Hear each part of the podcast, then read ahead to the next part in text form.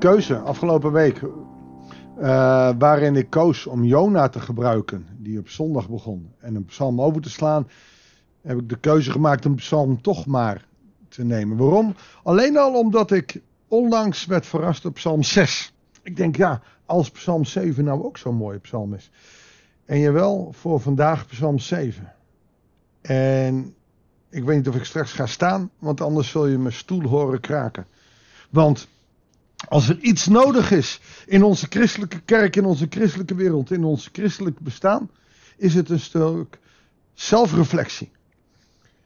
Ik vind dat het zelfs bij dominees wel eens wat meer in de opleiding mag zitten. Zelfreflectie. Als je nu een HBO uh, gaat doen, dan krijg je heel snel die zelfreflectie te pakken. Wat vind je ervan? Wat heb je hiervan geleerd?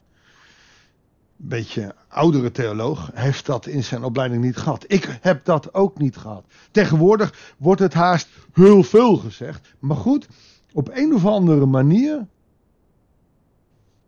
heb ik het zelf mezelf aangeleerd. Wat heb ik ervan geleerd? Wat heb ik nodig? Wie heb ik nodig? Hoe heb ik wie wat nodig? Waarom heb ik iemand nodig? Dat klinkt allemaal overdreven, maar dat betekent dat je al aangeeft: ik kan het niet alleen. En die zelfreflectie, die zien we ook bij David terugkomen. In deze psalm. En daarom gaan we die samen lezen. Goeiedag, hartelijk welkom bij een nieuwe uitzending van het Bijbelsdagboek. We lezen Psalm 7 uit de nieuwe Bijbelvertaling. Een klaaglied van David dat hij voor de Heer gezongen heeft over de Benjaminiet kus. Nou, de theologen gaan zich meteen buigen. Wie is die kus? Daar is niet achter te komen. Het was iemand uit de stam van Benjamin. Dat is de stam waar koning Saul uit voortkomt. Dus dat kan al een reactie geven.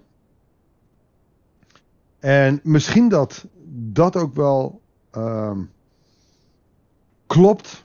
Dat God geroepen wordt, aangeroepen wordt. Heer, zie mij aan zoals ik ben. Ik word belaagd door de stam van Benjamin, door de aanhangers van Saul. Wilt u mij redden? Maar, nou, dat gaan we lezen. Vers 2. Heer mijn God, bij u schuil ik. Bevrijd mij van mijn vervolgers, red mij. Hier zie je al, hij heeft het over vervolgers. Daar kunnen wij niet zo mee rekenen. Wij worden niet achterna gezeten door mensen. Overigens, vervolgers kan ook zijn dat mensen ons uitlachen. Dat mensen het maar stom vinden dat we nog steeds christen zijn. Dat, weet je, dat kan ook vervolgers zijn. Dus in die zin um, kan het ook wel weer van toepassing zijn voor ons.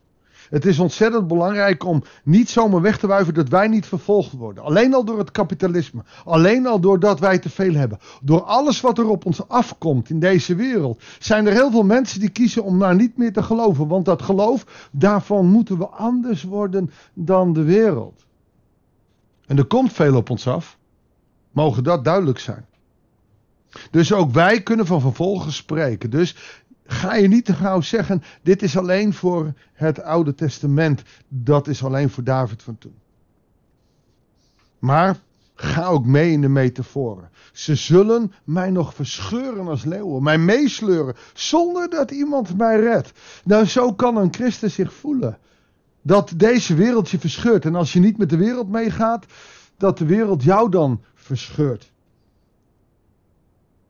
Heb je al eens afgevraagd waarom zoveel mensen in deze tijd niet meer naar de kerk gaat? Dat is omdat de wereld een hele andere taal heeft en omdat de wereld niet meer open staat voor christelijk geloof. Omdat wij christenen maar een stelletje saaie pieven zijn die ver van de wereld afstaan.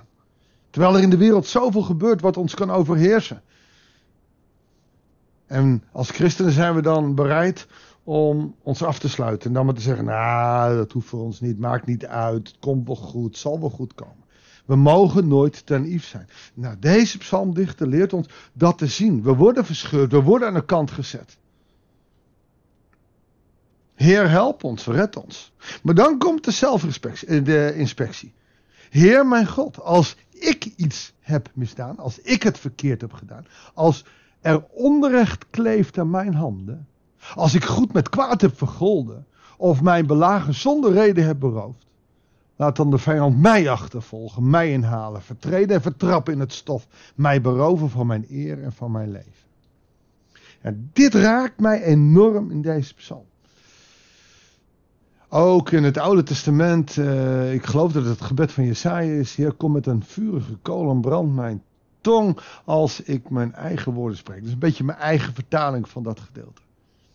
Ik heb het heel lang gebeden, vlak voor een preek.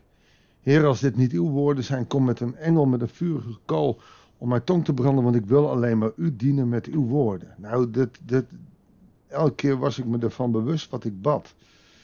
Dat is nogal wat. Wil ik dat echt? Nou, hier zegt David: als ik iets misdaan heb, oftewel als ik de schuld ben van een ruzie, van de, de leegloop van de kerk, als ik doordram met mijn gelijk. Ik ben zeer behouden gereformeerd opgevoed. En in een gemeente waarin best nog wel eens wat dynamiek zit, zit ik er wel eens tussenin. En je wil vernieuwing. Maar niet ten koste van alles. En, daar zit je soms in een spagaat. En als voorganger krijg je dan ook lekker alles op je dak. Nou, dat is dan maar zo. En soms moet ik ook kijken, wil ik niet te veel wat ik wil in de gemeente leggen. Het gaat niet om ik. Dus als ik daar iets in misdaan heb.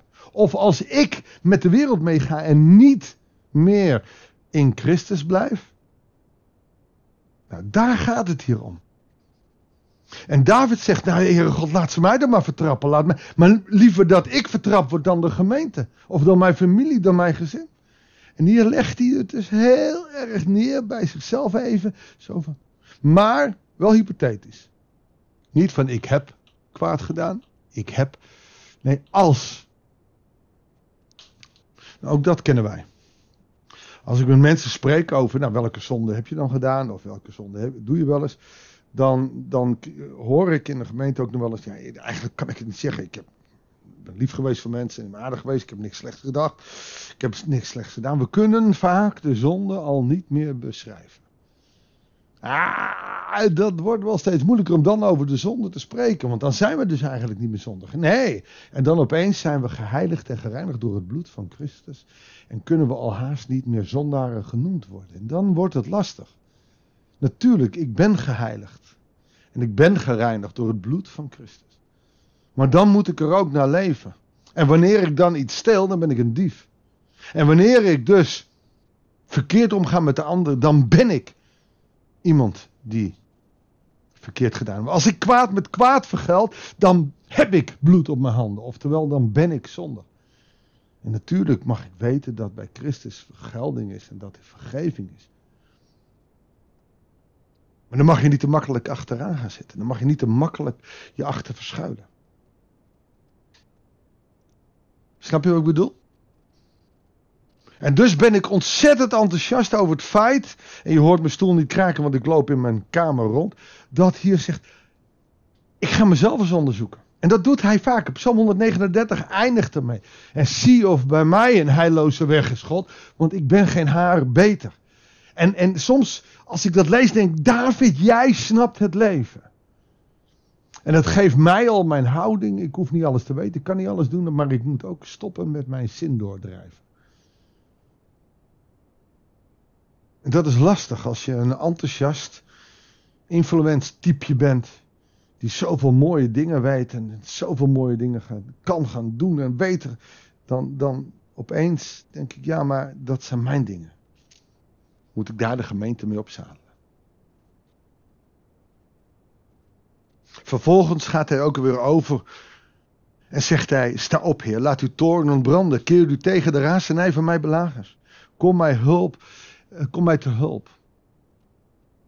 En dan, dan nog een mooi vers. En ik zie dat ik qua tijd alweer op moet schieten. Dat we alweer negen minuten zitten. Doe mij recht. Vers 9. Ik ben onschuldig, mij treft geen blaan. Maar doe recht. En, als ik, en dan kom ik weer terug bij vers 4. Als ik iets heb misdaan, doe dan ook recht. Want God is het schild dat mij beschermt. Hij bevrijdt oprechten van hart. Al lijkt het soms dat hij meer met de ongelovigen bezig is dan met ons. Oftewel, die het beter hebben dan wij. Hij bevrijdt de oprechten van hart. God is een rechtvaardige rechter. Hij bestraft het kwaad elke dag. Ik zal de Heer, vers 18, om zijn rechtvaardigheid loven. De naam van de Heer, de Allerhoogste bezingen. Hij zegt daar niet, ik zal de Heer loven omdat hij voor mij is. Want je kan God niet voor jou laten zijn. Nee, ik wil God volgen. En als ik wat verkeerd doe, moet ik gestraft worden. Maar ik wil hem loven omdat hij rechtvaardig is. Rechtvaardig spreekt gaande gelovigen en niet-gelovigen. Zullen we bidden? Heer, leer ons de nederigheid te hebben die David hier heeft. Leer ons om naar onszelf te kijken, wie wij zijn. En dat het niet gaat om wat ik wil, maar dat het gaat om wat u wil en wat goed is voor, voor mijn geval dan de gemeente of voor mijn gezin. Heer, want wij vinden wat en we willen zoveel. Wilt u ons helpen? Net als David eerst eens te kijken naar onszelf. Als ik dan fout ben, wat kan ik daar dan mee doen? Heere God, zegen ons. Zegen ons in de naam van Jezus die voor ons aan het kruis gestorven is. Die ons gekocht heeft met de genade. Heere God. En, en zie of er bij ons een heilloze weg is. En, en gebruik ons op de weg die u met deze wereld wil gaan. Dat bidden we u in de naam van Jezus. Amen. Dankjewel voor het luisteren. Ik wens je een goed weekend. Een goede dag. En heel graag tot de volgende uitzending van het Bijbelsdagboek.